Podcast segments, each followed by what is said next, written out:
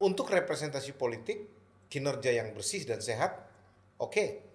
Uh, Ahok juga salah satu. Iya. Misalkan walaupun ada Pak Tanamal, pendeta Tanamal.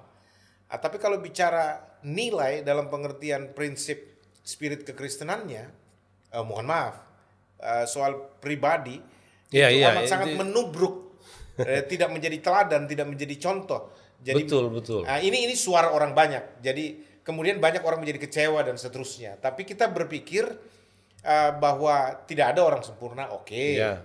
betul. Tetapi yang saya bilang tadi soal representasi, Pak. Ya, karena itu Iya, dia tadi. Tapi Bung gini, saya nggak berpikir Ahok ini sebagai sebuah apa seorang eh, representasi Kristen ya. Memang eh, mungkin ketika itu memang banyak orang merasa seperti itu orang Kristen ya, yang kemudian kecewa. Saya dulu juga selalu mengingatkan gitu. Eh, tidak bo kita nggak boleh terlalu mengagung-agungkan orang juga karena nanti kita akan kecewa. gitu. Ada mungkin memang penggiringan opini secara sengaja ya, tapi saya kira reaksi publik itu juga tidak bisa kita katakan dikendalikan oleh penggiringan opini ini karena itu tadi yang saya katakan salah satu yang harus kita benahi, salah satu yang kita kritik, salah satu kenapa reformasi itu muncul 98 karena KKN ini. Jadi kalau ada tanda-tanda KKN dalam pemerintahan pasca reformasi, memang publik lebih sensitif. Reaksi publik itu lebih spontan. Eh, Menurut saya pemimpin itu dia harus menghamba kepada nilai dan prinsip menghamba pada nilai dan, prinsip. ya, bukan menghambat terhadap kepentingannya. Ini yang penting karena eh, sering kali ta- tadi di sesi sebelumnya kan disebut soal eh, ya seolah-olah semua boleh, yang penting tujuan politiknya tercapai. Mm-mm.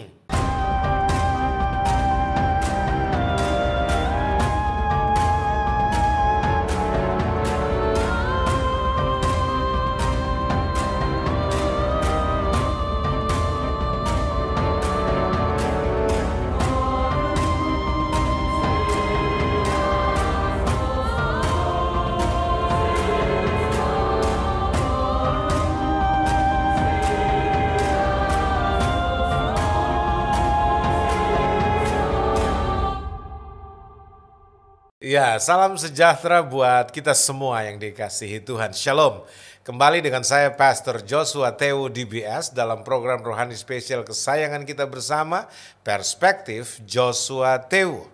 Kali ini dengan narasumber yang spesial, seorang putra Minahasa yang cukup handsome dan merupakan alumni dari Sekolah Tinggi Teologi Jakarta, STT Jakarta.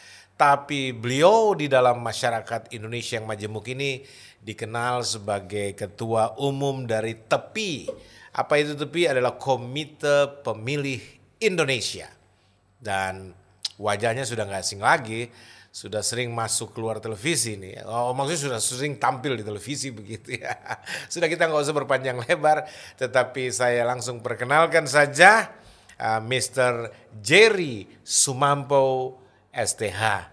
Shalom Pak Jerry. Shalom, Bung Bung Joshua ya, panggilannya Ya. Bung Joshua atau Bung eh, apa J J JT ya, sesuai dengan perspektif ini. Iya, iya. Apa saja Om Jerry mau panggil Bung JT, ke Joshua Tewu sama Iya, saja. iya. Terima kasih Om Jerry sudah menyediakan waktu untuk datang. Ya, terima Dan kasih juga.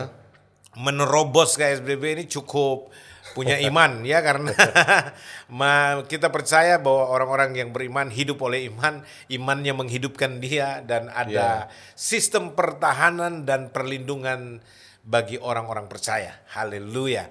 Baik, sebelum kita mulai dalam perbincangan kita ada hal-hal yang sangat luar biasa yang kita minta Om Jerry nanti memberikan perspektifnya. Ah, kita lihat yang satu ini dulu.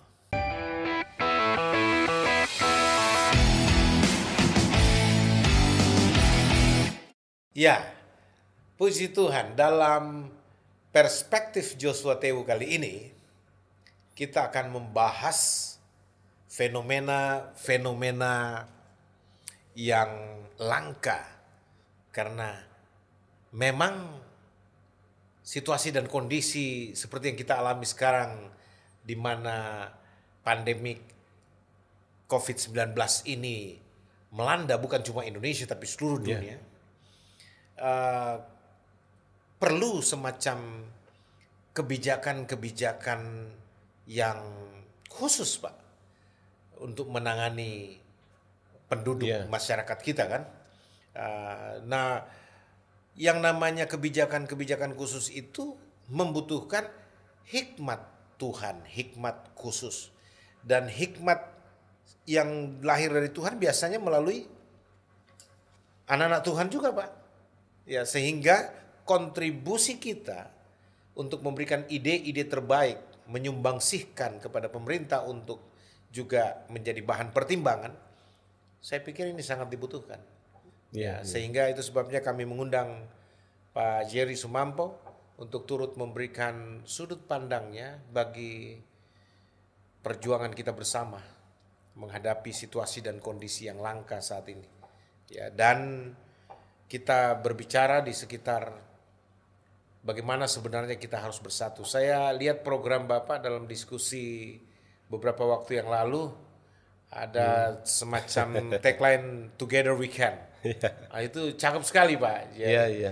Dan mungkin Bapak bisa akan bicara banyak tentang bagaimana sebenarnya kita punya sikap untuk mendukung pemerintah dalam uh, membangun satu sistem menghadapi situasi seperti saat ini. Silakan saja Pak Jerry.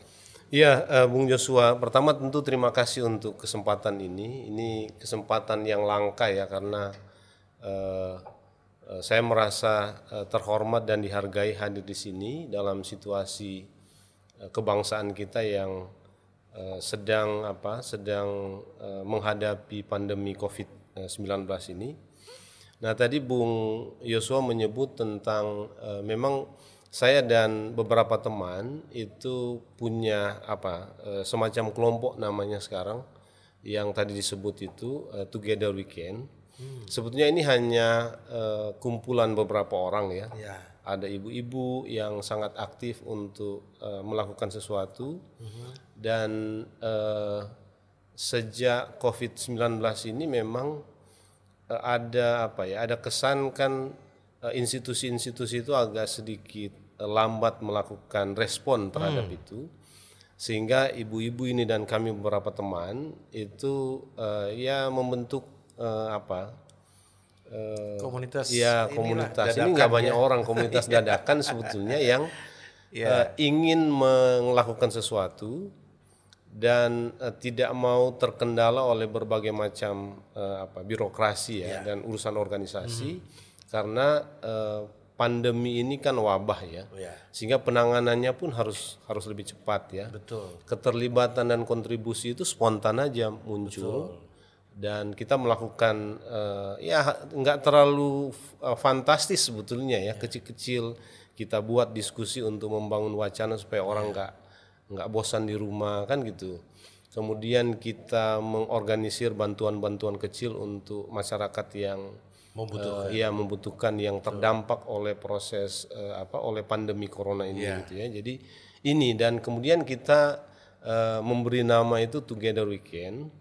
Sebetulnya karena eh, itu juga ini nama menemukan eh, apa menemukan maknanya dalam konteks seperti sekarang ya.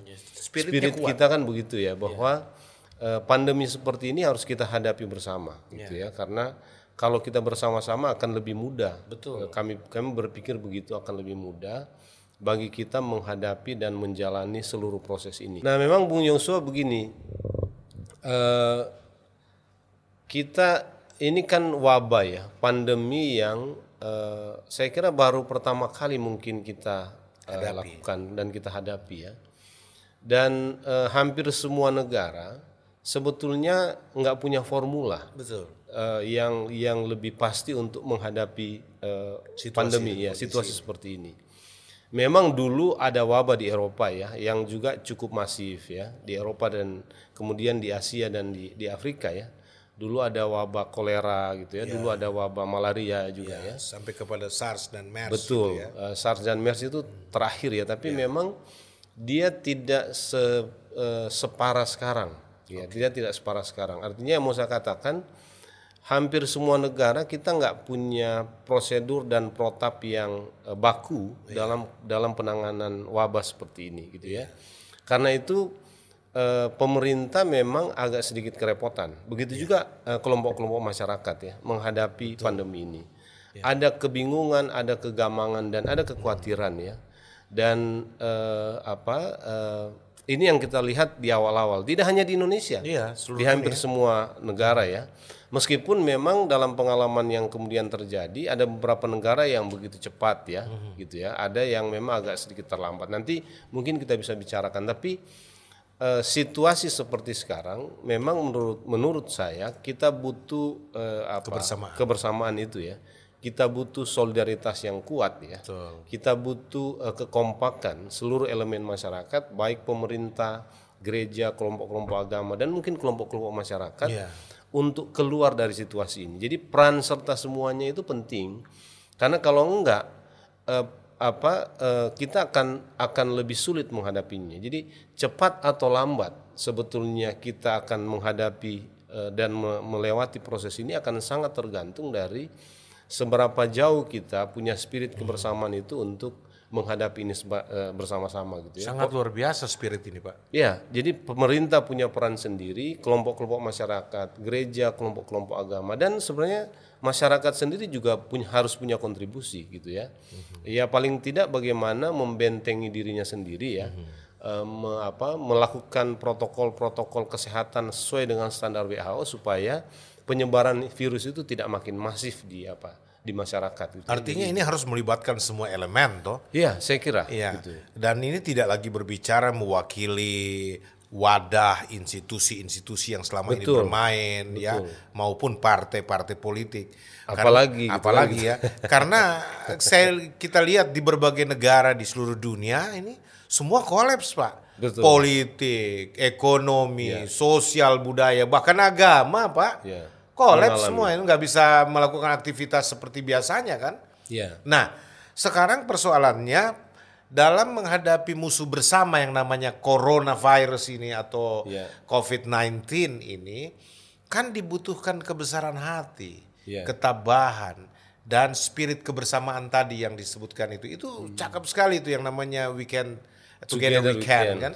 Uh, we together we can win, together we can anything. Iya. Iya toh.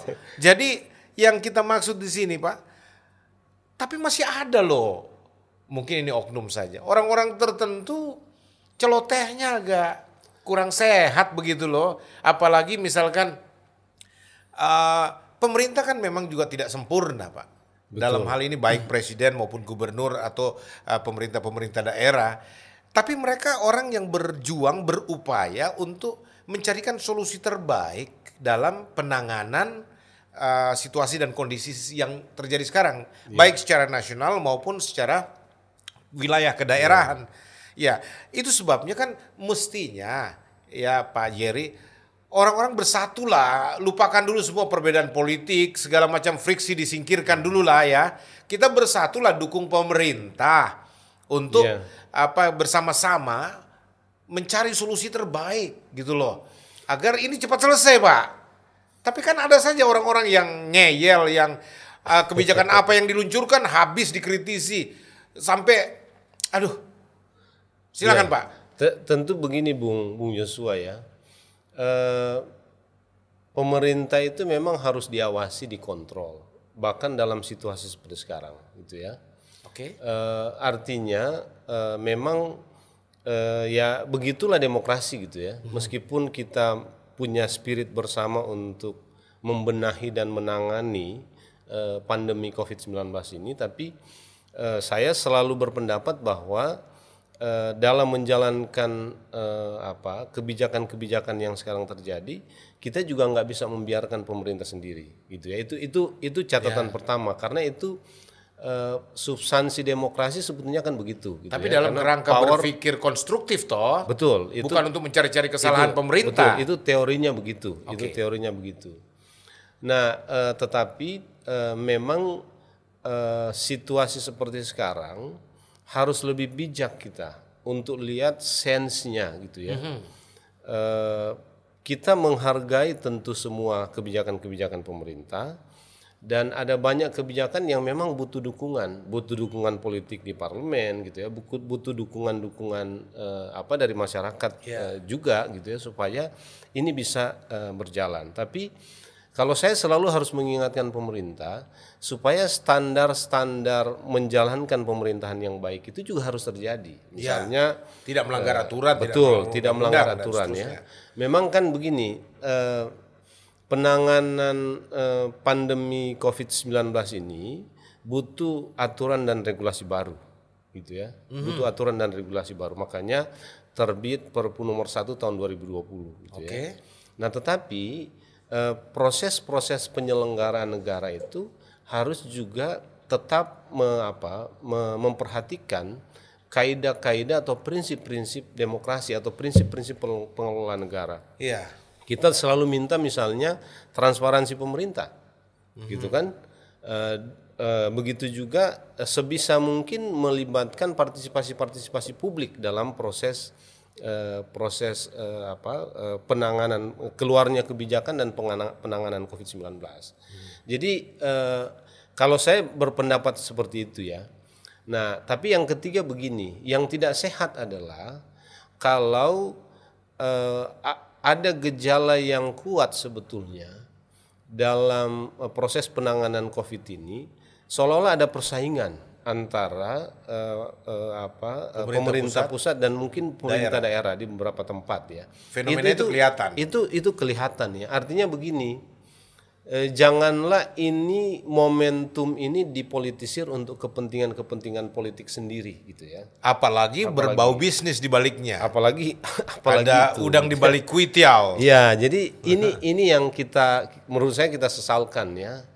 Eh, kritik boleh dilakukan, tapi proporsional. Ya. Tapi kalau kritik itu dilakukan dalam konteks menjatuhkan, gitu ya, apalagi kalau dalam konteks mendapatkan keuntungan pribadi, keuntungan politik, itu yang semestinya nggak etis dilakukan dalam konteks Suasana sekarang, dalam sekarang. suasana seperti sekarang gitu. Jadi eh, eh, menurut saya ini ini ini yang terjadi. Apalagi sebetulnya di, di beberapa daerah juga ada fenomena eh, politisi-politisi itu menggunakan eh, apa kebijakan-kebijakan untuk penanganan COVID ini bagi kepentingannya sendiri. gitu. Iya, kepentingan Kita pribadi. tahu kan eh, tahun ini kan mestinya kita pilkada ya, 270 daerah akan pilkada, tapi kemudian ada wacana yang sangat kuat ini akan diundur di Desember 2020, gitu ya.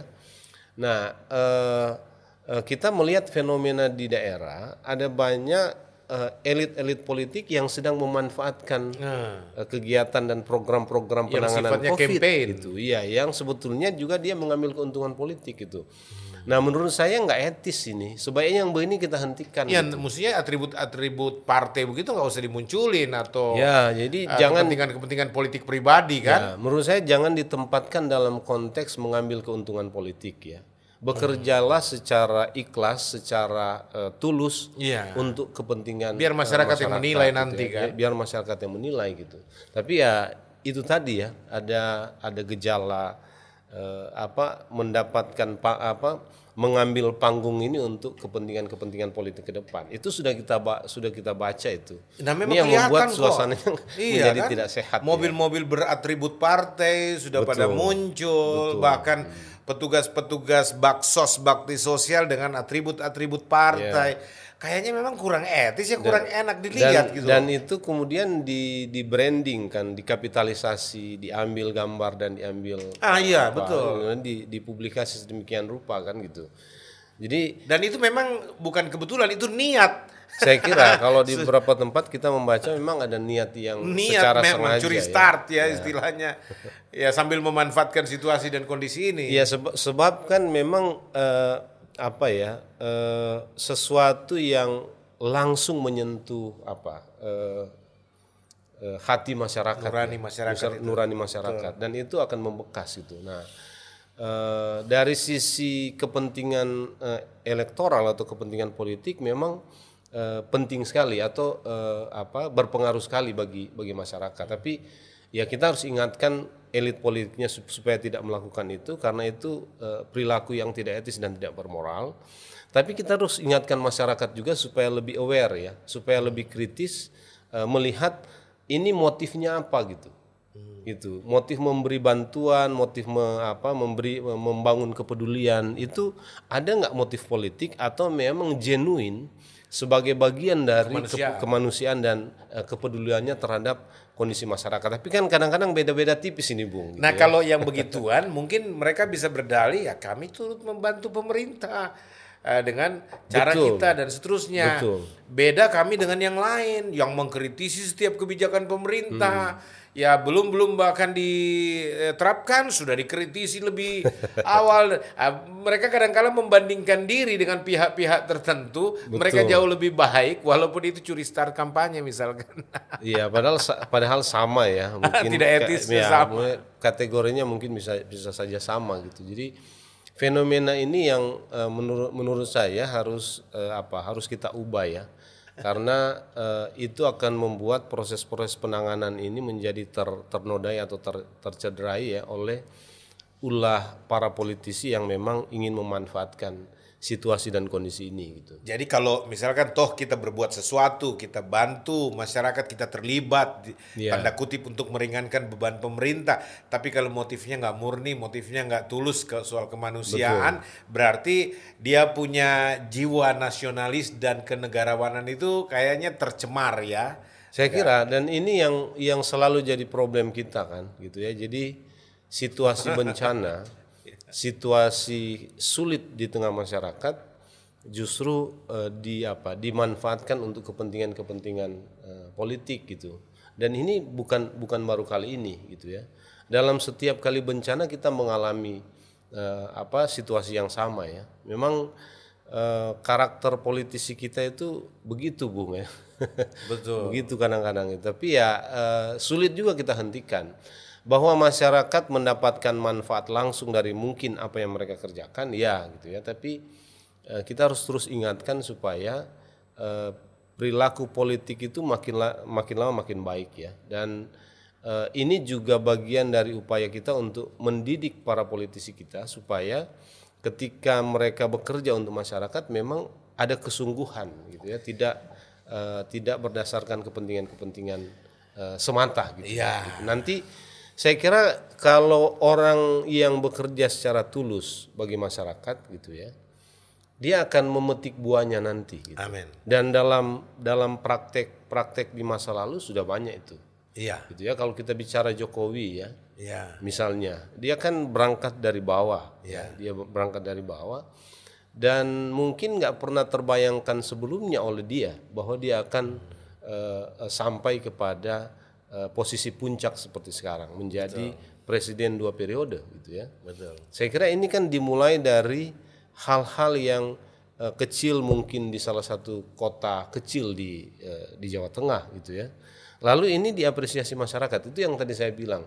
Kalau kita bekerja dengan ketulusan, itu kita bekerja dengan keikhlasan bagi kepentingan-kepentingan masyarakat, bagi kepentingan Orang kepentingan kemu- ke- orang banyak dan kepentingan-kepentingan kemanusiaan akan ada buah yang baik di apa di masa depan gitu ya. Jadi itu yang semestinya kita Jadi dorong. sebenarnya dalam konteks politik pun kita tidak boleh mengabaikan yang namanya ketulusan, keikhlasan, Ya, itu yang paling penting, ya kan? itu yang itu yang Nah, paling penting. Itu, tapi orang kan berbicara ini politik. Kalau kita nggak cerdik-cerdik, kita nggak tanda kutip Ya, ya. licik-licik, kita nggak bisa leading dan seterusnya. Itu kan pemahaman yang keliru. Saya kira itu Karena survei membuktikan bahwa seperti yang baru bilang tadi kan, bahwa kalau kita bekerja memang dengan motif yang benar, kita Hmm. akan menuai kelak apa yang kita lakukan. Iya, yang kurang dari para politisi kita itu kan sebetulnya eh, moralitas dan eh, apa eh, etika ya. Gitu. Nah. Jadi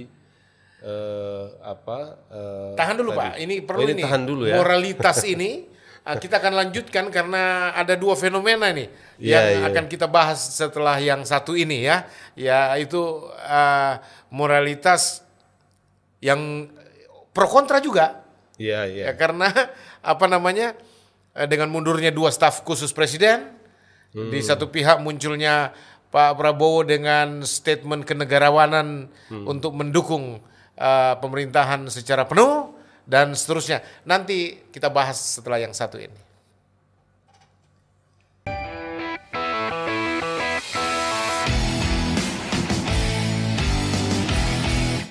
Ya, kembali lagi dengan saya, Pastor Joshua Tewu DBS dalam program spesial Perspektif Joshua Tewu bersama dengan narasumber kita, Mr. Jerry Sumampo. uh, kita masuk dalam sesi pembahasan soal moralitas politik, Pak, Ya. dan etika berpolitik. Karena kan kita harus mengedukasi masyarakat Indonesia supaya semakin hari mestinya semakin berkualitas. Kita punya kehidupan berpolitik, berwarga negara, ya toh. Apalagi kita bicara ingin menjadi seorang negarawan. Nah, itu kan tidak boleh sekedar memenangkan kontestasi politik, apalagi di Ya. Indonesia ini ada tanda kutip dibilang ah, segala cara bisa dihalalkan. Yang penting resultnya. Kalau kita jadi pemimpin semua suara kan diam lah. Eh, Kan tidak seperti itu Ya. gitu loh. Nah kita harus ber- eh, punya semacam eh, konsep politik sehat atau apalah. Wong ya. Jerry lebih tahu hal itu. Makanya eh, ini kaitannya dengan eh, pro kontra mundurnya dua staf khusus presiden. ya karena tudingan-tudingan masalah amoralitas soal anggaran, amoralitas soal apa yang namanya eh, kait mengkait soal koneksi apa segala macam ya oh, eh, apa istilahnya dulu itu yang eh, KKN. KKN KKN ini dan seterusnya walaupun dari pihak istana juga seperti Pak Ngabalin sangat menyesalkan kritik-kritik pedas tajam dan seolah-olah tidak memberi ruang bagi generasi muda kita, orang-orang muda yang kreatif kita untuk menunjukkan Ya, ya. kualitas kerja mereka. Belum lagi apa-apa baru berencana sudah diserang dengan politisi-politisi dari Senayan, dari berbagai tempat dan sebagainya misalkan sudah mulai melumpuhkan. Terus anak-anak muda yang kreatif yang direkrut oleh presiden karena kompetensi mereka pun jadi takut berbuat sesuatu, takut berkreasi gitu loh. Karena hujan kritik yang luar biasa pedas dan sebagainya. Bagaimana menurut Pak Jerry? Ya, yang yang pertama mungkin begini Bung Yosua ya. Eh, menurut saya pemimpin itu dia harus menghamba kepada nilai dan prinsip Menghamba pada nilai dan, prinsip. ya, bukan menghamba terhadap kepentingannya.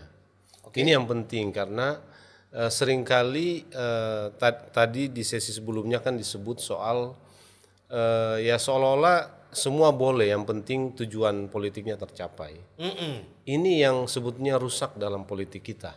Yang merusak politik kita itu seperti itu. Nah, mestinya nggak begitu. Dan peminatnya lebih Manusia- banyak kayaknya itu. Ya itu dia, itu dia makanya makanya problem kita kan di soal moralitas dan etik etik ya. Nah makanya saya selalu mengatakan menjadi pemimpin itu kita harus menghamba kepada nilai dan prinsip, Oke. bukan terhadap kepentingan ya. Kepentingan itu nomor kesekian lah. Yang penting eh, nilai dan prinsip karena Ini catatan bagus ini Pak. Harus menghamba, saya harus ulang ini.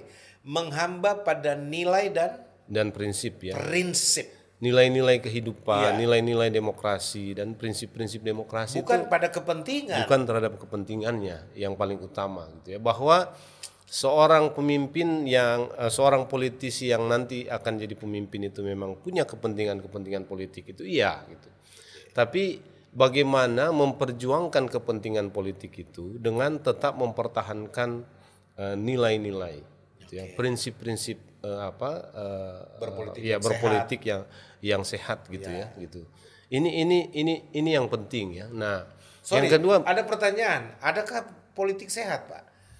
ya Itu kan pertanyaan sinis yang muncul di masyarakat biasa. Emang Ya, di dunia politik sebetulnya- ada ada yang sehat, Pak? Itu. ya sebetulnya eh, apa ya mungkin tidak banyak ya tapi dalam politik kita itu ada saja orang-orang orang-orang seperti ya. itu ya yang eh, apa yang ya tidak tidak apa ya tidak bisa sesempurna mungkin yang dibayangkan ya tapi eh, dia bisa menjadi model ya dia bisa menjadi model saya selalu eh, apa selalu menceritakan eh, dulu ada partai eh, apa namanya PD Partai Demokrasi Kasih Bangsa. Lalu ada seorang pendeta tua sudah agak senior jadi anggota DPR di salah satu provinsi di eh, timur di provinsi Maluku. Satu-satunya anggota DPR dari partai yang bersangkutan. Tapi eh, tidak pernah mau kompromi Oke. gitu. Jadi eh, karena dia lumayan senior gitu ya, sehingga eh, banyak anggota DPR provinsi itu yang kemudian juga agak agak segan terhadap apa terhadap pendeta ini gitu ya.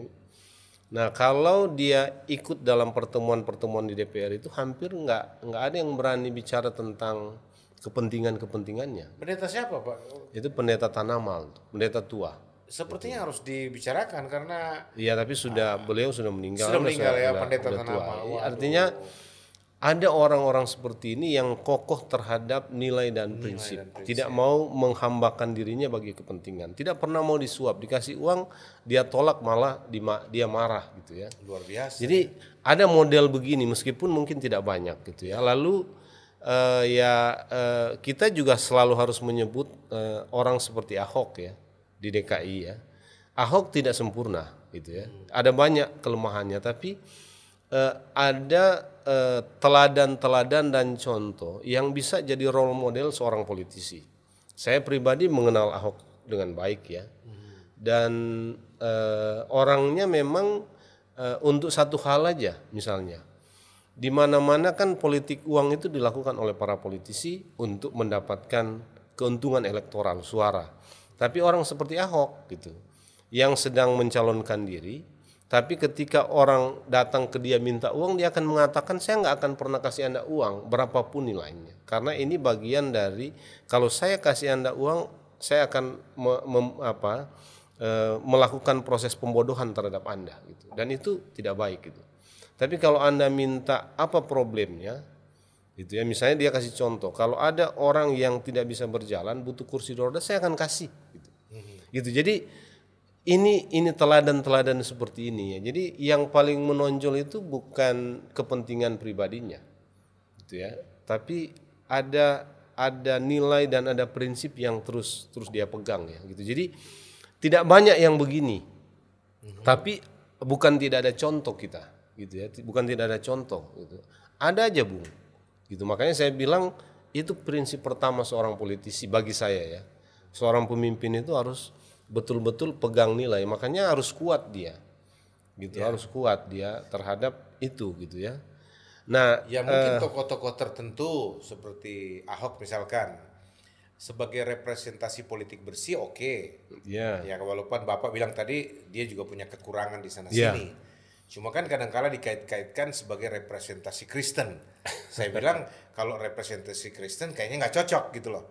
Ya karena Kristen punya nilai-nilai sendiri. Ya. Ya, tetapi kalau sebagai representasi politik, Tapi- politik bersih mungkin bisa. tapi seperti itu. begini juga bung eh, kita juga nggak bisa memungkiri ya bahwa eh, apa eh, perilaku politik seperti itu itu lahir juga dari refleksinya sebagai seorang Kristen ya a- refle- ber- lahir dari refleksi kehidupannya eh, atau refleksinya dalam kiprah politik di masyarakat yang nggak bisa dilepaskan dari dia sebagai seorang yang beragama Kristen. Begitu juga mungkin eh, apa politisi-politisi lain yang beragama berbeda karena agama itu kan mestinya memang menjadi terang dalam kehidupan setiap orang ya. Jadi apa pun yang terekspresi dari orang itu semestinya itu lahir dari eh, refleksi secara internalnya terkait dengan imannya gitu ya. Kalau Ini- ini menarik. pendeta Tanamal menurut saya menurut saya begitu gitu. Ah, ini menarik karena apa? Kan tadi dikedepankan soal nilai dan prinsip, Ya. ya toh. Nah, kalau kita bicara ini bagus ini Pak, supaya ada semacam perspektif yang berbeda tetapi kita tarik Iya. kesimpulan yang bagus. Ya. Karena sebagian masyarakat Kristen juga itu menganggap bahwa eh, untuk representasi politik kinerja yang bersih dan sehat, oke, Eh, Ahok juga salah satu. Iya. Misalkan walaupun ada Pak Tanamal, pendeta Tanamal. Ah, tapi kalau bicara nilai dalam pengertian prinsip spirit kekristenannya, eh, mohon maaf, eh, soal pribadi Iya, itu iya, amat sangat itu- menubruk, eh, tidak menjadi teladan, tidak menjadi contoh. Jadi betul betul. Nah, ini ini suara orang banyak. Jadi kemudian banyak orang menjadi kecewa dan seterusnya. Tapi kita berpikir uh, bahwa tidak ada orang sempurna, oke, Iya. betul. Tetapi itu yang saya bilang tadi soal representasi, Pak. Ya, karena itu Iya, dia tadi. Tapi Bung gini, saya nggak berpikir Ahok ini sebagai sebuah apa seorang eh, representasi Kristen ya. Memang eh, mungkin ketika itu memang banyak orang merasa seperti itu orang Kristen ya, yang kemudian kecewa. Saya dulu juga selalu mengingatkan gitu. Eh, tidak bo kita nggak boleh terlalu mengagung-agungkan orang juga karena nanti kita akan kecewa gitu. Nah mungkin itu juga yang sekarang terjadi ya dengan apa yang eh, terjadi dalam diri Ahok. Tapi saya mau mengatakan begini, eh, tadi kita bicara tentang ada nggak sih contoh gitu dalam dunia politik yang bisa kita lihat ya. Ya. Kan saya bilang tidak banyak, tapi saya bisa menyebut minimal ada dua dua apa eh, Oke. dua, dua tokoh itu. Mungkin masih banyak yang lain ya yang kita kita nggak pernah tahu atau yang nggak pernah nggak pernah terungkap gitu ya. Berarti konteksnya itu. politik. Ya, konteks politik. jadi Dan kita bisa sebut juga misalnya eh, ya kalau kepala-kepala daerah ada orang seperti eh, Risma di di apa ya di Ya. di Surabaya, ya. Surabaya, Ibu Risma. Yang eh, ya memang betul-betul memberi perhatian terhadap kepentingan eh, masyarakat Kota Surabaya ya. Sehingga eh, banyak langkah-langkah, banyak kebijakan diambil itu yang tidak terlalu memperhatikan orang mau marah, orang mau pilih, orang mau apa nggak nggak terlalu penting bagi dia. Yang penting saya melakukan sesuatu yang eh, punya implikasi terhadap kepentingan kepentingan masyarakat banyak gitu ya. Jadi ada saja, Bung, gitu ya. eh, Teladan-teladan, model-model yang bisa kita lihat yang eh, bisa kita masukkan sebagai klasifikasi bahwa ada eh, prinsip dan nilai yang diperjuangkan gitu. Tidak semata-mata kepentingan elektoralnya untuk duduk di eh, kursi kepemimpinan gitu. Itu Pasti yang banyak. itu Cuma yang mungkin kita tidak terekspos ya. Betul. Nah, ini yang menurut saya yang begini-begini ini tidak jadi perilaku mainstream da- eh, bagi para politisi kita. Lebih banyak itu ya dia lihat dulu kepentingannya, gitu ya. Karena itu kalau dia melihat bahwa kalau dia nggak ngasih uang orang nggak akan pilih dia, dia akan memilih kasih uang. Padahal pemberian uang itu adalah sesuatu yang nista kan gitu, sesuatu yang menistakan eh, apa peran perannya sebagai seorang politisi eh, dalam konteks eh, eh, apa demokrasi gitu Oke. gitu. Jadi ini gitu yang yang yang yang kurang ya. Nah, repotnya kan begini. Ada banyak soal etis itu, Bung, dalam konteks kehidupan demokrasi dan kebangsaan kita yang secara huk, eh, secara apa? eh, tidak tidak diatur secara hukum. Makanya kan demokrasi itu berjalan tidak semata-mata oleh eh, apa? oleh aturan-aturan hukum, tapi ada juga aturan-aturan etis atau ada nilai-nilai moral etis Iya. itu yang tidak tertulis, tapi kita tahu. Kita tahu. Nah, ada banyak orang atau banyak politisi kita, banyak pemimpin kita itu lebih cenderung kepada hukum. Betul, tidak ada salah, harus malah sebagai seorang pemimpin gitu. Tapi dia sering kali membenturkan soal-soal hukum ini tidak ada larangan hukum dan karena itu boleh dilakukan. Padahal secara moral dan etis itu melanggar Nah, gitu. Ini ini ya ini yang terjadi. Makanya saya sebetulnya mau masuk juga terhadap apa yang eh, tadi Bung Yosua sebut ya. Misalnya eh, bukan misalnya ya, eh, baru-baru ini ada dua staf eh, apa? staf khusus, eh, presiden, anak-anak muda yang saya kira cukup potensial, cukup baik, punya prestasi ya. Iya. Punya prestasi tetapi mereka lupa gitu. Dalam berkreasi dan dalam berproduksi kita harus punya standar etik oke. gitu. Nah, bagi saya juga nggak terlalu baik ya kalau orang yang sedang ada di posisi eh, apa pe- penga- eh, posisi kekuasaan ya karena staf khusus presiden itu kan ada ada betul di di istana gitu ya. Lalu menggunakan kewenangan ini untuk kepentingan-kepentingan bisnis. Di sini problemnya gitu.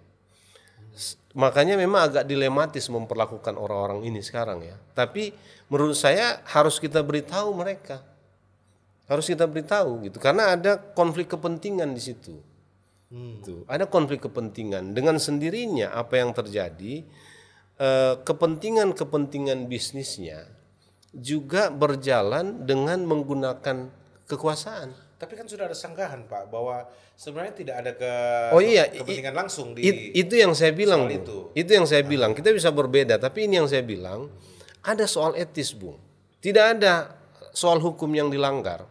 Dia bisa mengatakan bahwa saya nggak pernah eh, ini ini yang kemudian dilakukan pembelaan. Saya tidak pernah intervensi sedikit pun terhadap proses itu. Tapi jangan lupa ada surat keluar. Dan itu menggunakan kop surat istana. Gitu. Untuk memuluskan seluruh proses Ini proses contoh ini. saja, saya coba mewakili perspektif lain ya Pak. Ya. Artinya begini Om Jerry, misalkan, oke dia pakai kewenangan itu, eh, pengaruh istana misalkan, Iya. tetapi untuk mengamankan kebijakan dia untuk memberikan sumbangsi kepada negara, tentu dengan memilih rekan kerja orang-orang yang bisa dia percayai, lembaga-lembaga yang dia tunjuk, yang dia percayai tidak akan melakukan hal-hal yang tidak baik, yang akan merugikan dia pribadi. Nah, kalau sampai dalam kerangka berpikir seperti ini, di mana salahnya misalkan? Ya, dibandingkan dia harus memilih orang-orang lain yang di luar eh, koneksi kenalan dia, misalkan, dan dia tidak tahu lembaga ini dari mana, siapa tahu bentukan dadakan dan sebagainya. Banyak hal juga dia pertaruhkan. Misalkan, saya mau percayakan eh, apa namanya eh, ide saya, gagasan saya, dan dapat kepercayaan dari penguasa misalkan, tentu saya jaga segalanya pak. Saya akan Iya, pilih iya. teman yang bisa saya percayai, yang bisa saya tahu kompetensinya dan seterusnya. Dan lembaga-lembaga yang akan saya tunjuk untuk bisa eh, bersama-sama partner ini adalah lembaga-lembaga yang saya lihat, ah ini bagus lah. Oke teman ya, gini-gini dan seterusnya. Dibanding saya pilih orang yang saya tidak kenal pak. Iya, iya. Ya, dan lembaga yang saya tidak tahu, institusi yang saya tidak tahu, resikonya jauh lebih tinggi. Nah, tapi Iya. kan di Indonesia persoalannya ketika ditahu, oh ini temennya, oh ini sepupunya, ini saudaranya, negative thinking mulai bermain, Pak. Lalu kemudian dugaan-dugaan yang sangat-sangat keterlaluan bisa dimunculkan untuk membuli dan membunuh eh, karakter seseorang. Itu yang katanya saya lihat sedang dialami oleh kedua orang muda kreatif kita ini. Iya, makanya tadi saya bilang agak dilematis ya. Di satu sisi kita eh, harus akui prestasi mereka, dan karena itu harus diberi ruang sebetulnya untuk eh, berkreasi dan berinovasi ya. Eh, itu saya setuju gitu. Nah, tapi memang ketika kita ada di eh, apa di kekuasaan, memang harus lebih hati-hati, Bung. Harus lebih hati-hati. Tadi Bung bilang eh, ya saya kan akan memilih orang yang eh, yang bisa Saya tahu, saya kenal. Ya, saya kenal. Tapi eh, pertanyaannya apa eh, proses-proses itu bisa kita percaya secara lebih terbuka kan gitu. Selalu ada pertanyaan seperti itu. Maksud saya eh, kekuasaan itu memang harus dijaga supaya dia tidak Salah gunakan. disalahgunakan gitu ya. Nah, orang yang masuk ke kekuasaan itu memang harus eh, apa? Dia ha- di- dia harus me- me- membuat dirinya itu tidak eh, berapa eh, apa ya? Tidak memberi eh, kesan menggunakan kekuasaannya untuk kepentingan-kepentingan pribadinya dan untuk kepentingan-kepentingan eh, apalagi kepentingan bisnisnya gitu. Ini kan kasuistik, Pak. Betul. Nah, coba Tapi- eh, tapi- barangkali perspektifnya Om Jerry dibutuhkan apakah sejauh yang Om Jerry tahu, Iya, iya. apakah seorang staf khusus itu bisa melakukan tindakan action di lapangan tanpa persetujuan presiden? Ya semestinya tidak. Dia harus eh, se- semua actionnya itu harus persetujuan presiden.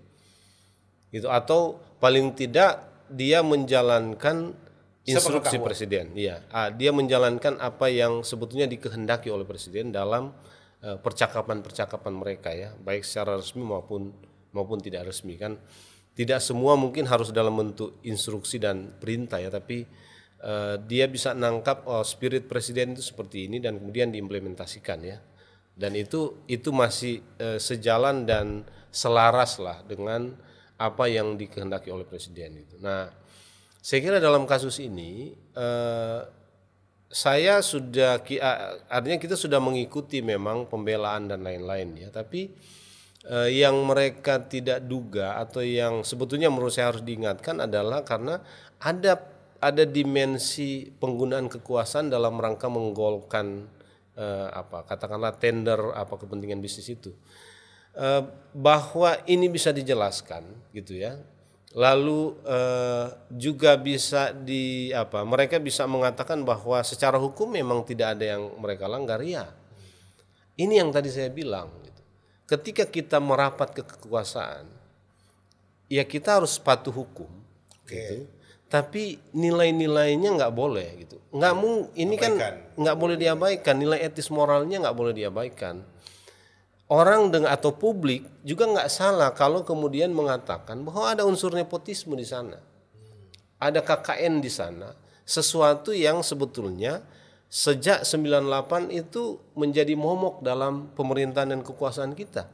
Setelah kita masuk di era terbuka karena 98 itu kan sebetulnya adalah titik di mana kita sebagai bangsa itu mengambil komitmen ya mm -hmm. untuk kita harus tinggalkan ini model KKN ini hmm. gitu tapi kemudian dia bentuk dia muncul dalam bentuk-bentuk yang uh, baru seperti ini gitu nah itu maksud saya bung jadi eh, orang-orang uh, muda ini betul uh, kita harus beri ruang tapi kita juga harus ingatkan mereka bahwa ada nilai. Dia harus bertumbuh dalam konteks nilai jangan jangan terlalu apa ya, jangan terlalu uh, fokus kepada mengejar keuntungan tanpa memikirkan nilai gitu. Dan ada prinsip-prinsip kerja yang tidak ya. boleh diabaikan. Iya, iya, mungkin secara hukum tidak ada aturan soal itu. Ya. Tapi nilai etis moral dan publik yang katakanlah membuli ya, hmm. sedemikian rupa sampai kemudian mereka mengambil keputusan mundur gitu ya. Saya kira publik juga mem mem memikirkan itu harus ada standar moral etik, etik yang tinggi kalau menjadi orang yang ada di lingkaran kekuasaan. Gitu. Kalau publik beropini barangkali nggak masalah ya Pak, artinya itu netral. Tapi kalau Betul. kemudian uh, penggalangan opini oleh oknum-oknum politisi dan atau pejabat-pejabat uh, lain hmm. yang uh, cemburu dan sebagainya, membangun, menggalang opini, menggiring opini untuk pembunuhan karakter bagi orang-orang muda kreatif kita ini contohnya. Yeah, yeah. Ini juga kan yang harus kita jaga, Pak. Ya meskipun nggak bisa dihindarkan itu ya, karena dia merapat di eh, apa di figur yang memang menjadi sorotan, menjadi pimpinan negara gitu ya. Jadi kan begini, saya ini nggak punya kepentingan politik apa-apa. Misalnya, ya, misalnya, tapi ketika saya men menjadi orang dalam tanda petik dari seorang penguasa atau dari seorang presiden gitu. Dengan sendirinya, Bung, kepentingan politik yang ada di eh, apa orang ini itu juga ada di saya.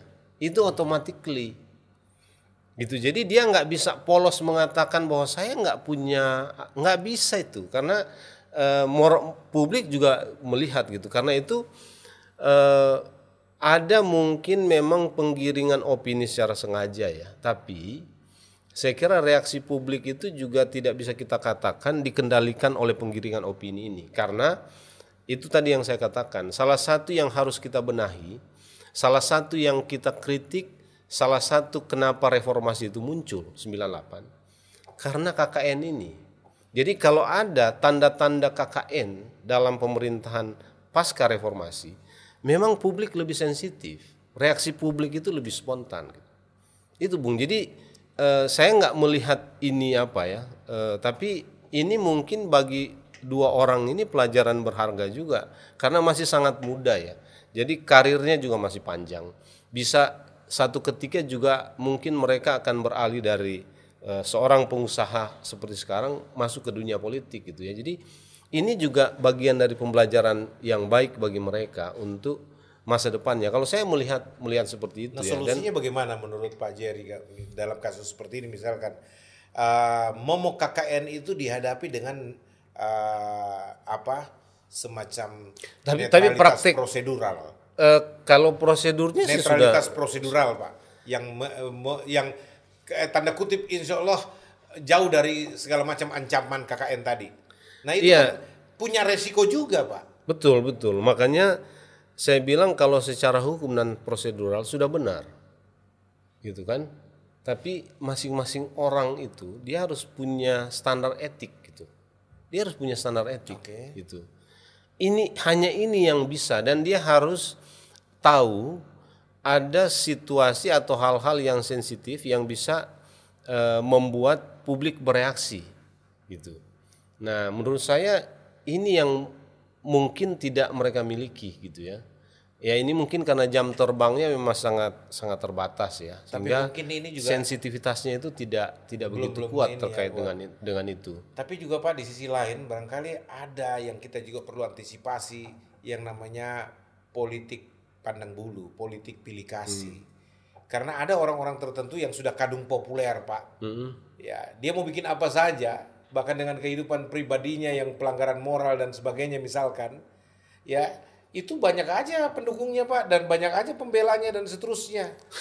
Dia dibandingkan eh, dua orang muda yang belum terkenal ini dan seterusnya yang boleh dikata secara hukum tidak ada masalah dalam ke- kebijakan yang dia terapkan dan seterusnya.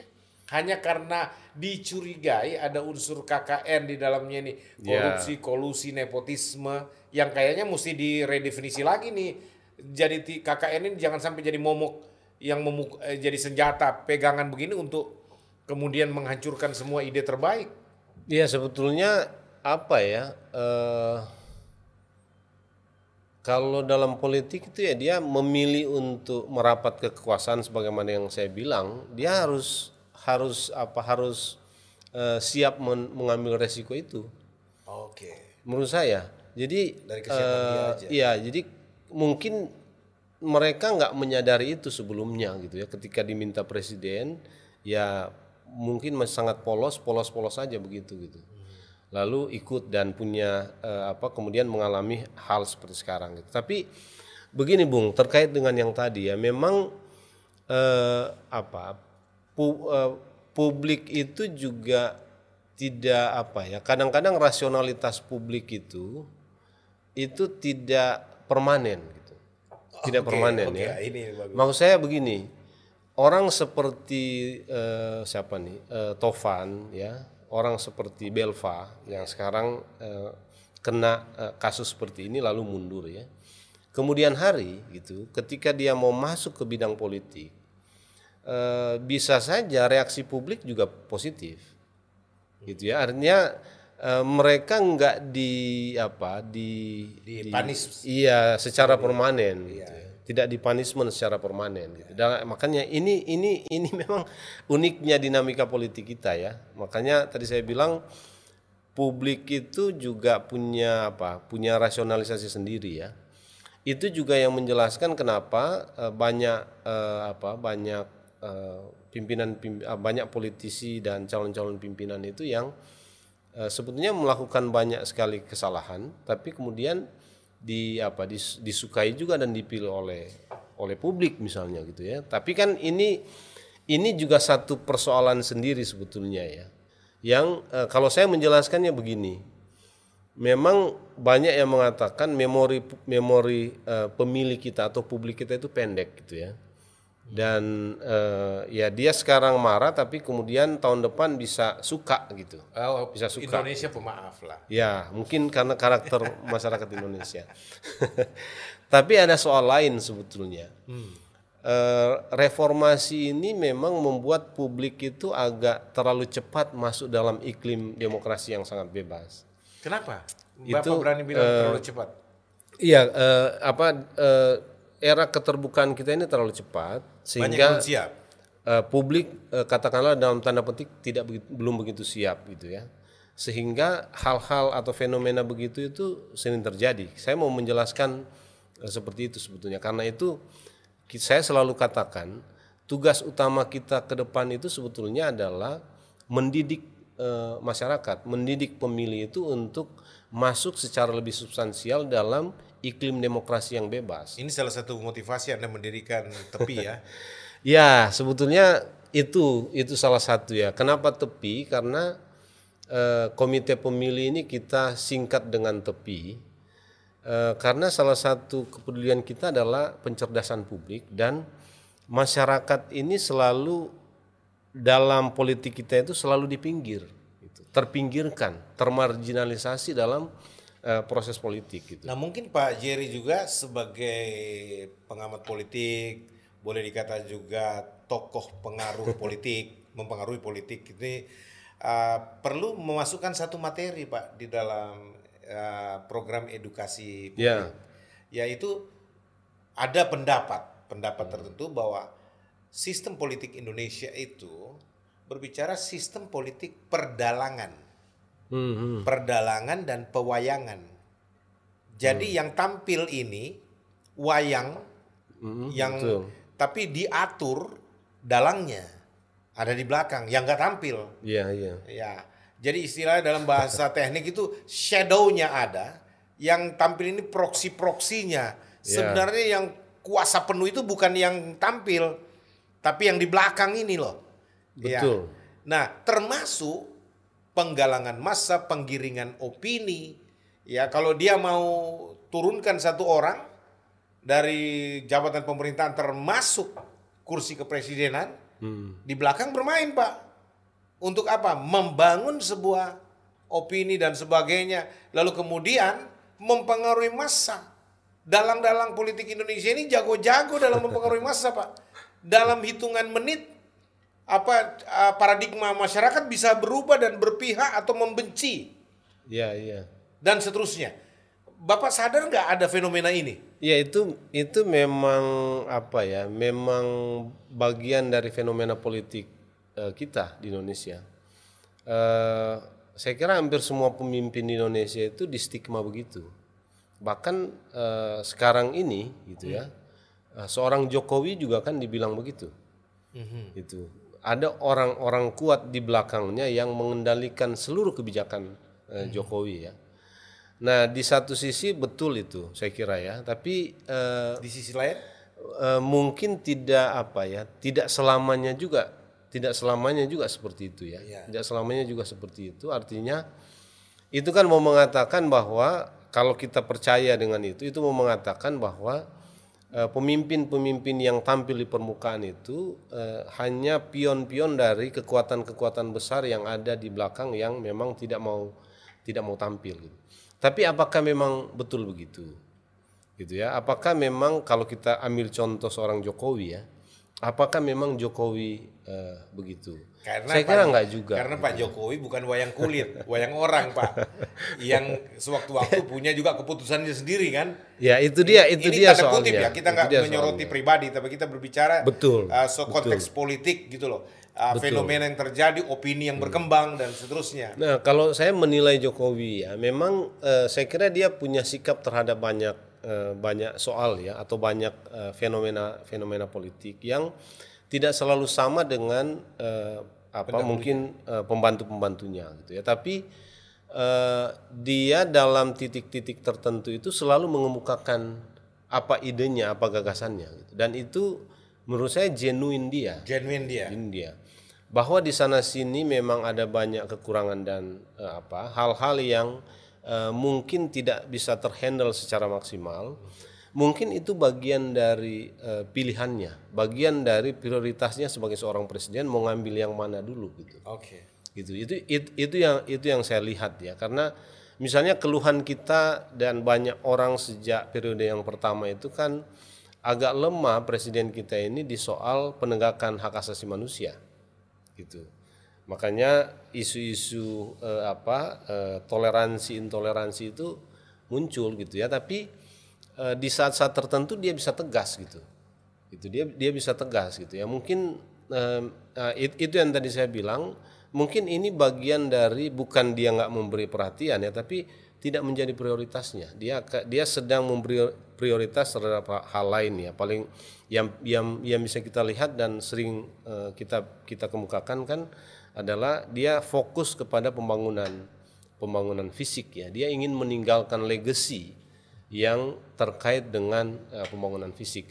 Oke-oke saja tuh gitu ya, tapi itu tadi saya nggak terlalu percaya kalau eh, apa eh, terlalu banyak orang kuat di belakangnya yang membuat eh, dia tidak eh, tidak apa hampir nggak berdaya ya. Saya kira enggak. Ini eh, ini eh, ini ini tidak begitu gitu. ya. Ini tidak bahwa ada orang yang betul menjadi mitra dan partnernya untuk em, berdiskusi dan bicara dan kemudian mengeluarkan kebijakan sudah pasti ya. Di semua tempat begitu. Ada pemimpin eh, se- semua semua pemimpin itu punya yang kita sebut mungkin inner circle, circle ya. Artinya orang-orang yang memang ada selalu untuk membicarakan apa saja yang akan eh, menjadi polisi atau kebijakannya gitu atau eh, hal-hal yang harus dia keluarkan yang harus dia sikapi dan dan seterusnya pasti ada gitu tapi saya kira independensi dan kemandiriannya tetap ada Oke, baik Pak. Nah, eh, ini bicara konteks politik. Sebentar kita akan masuk dalam soal moderasi beragama.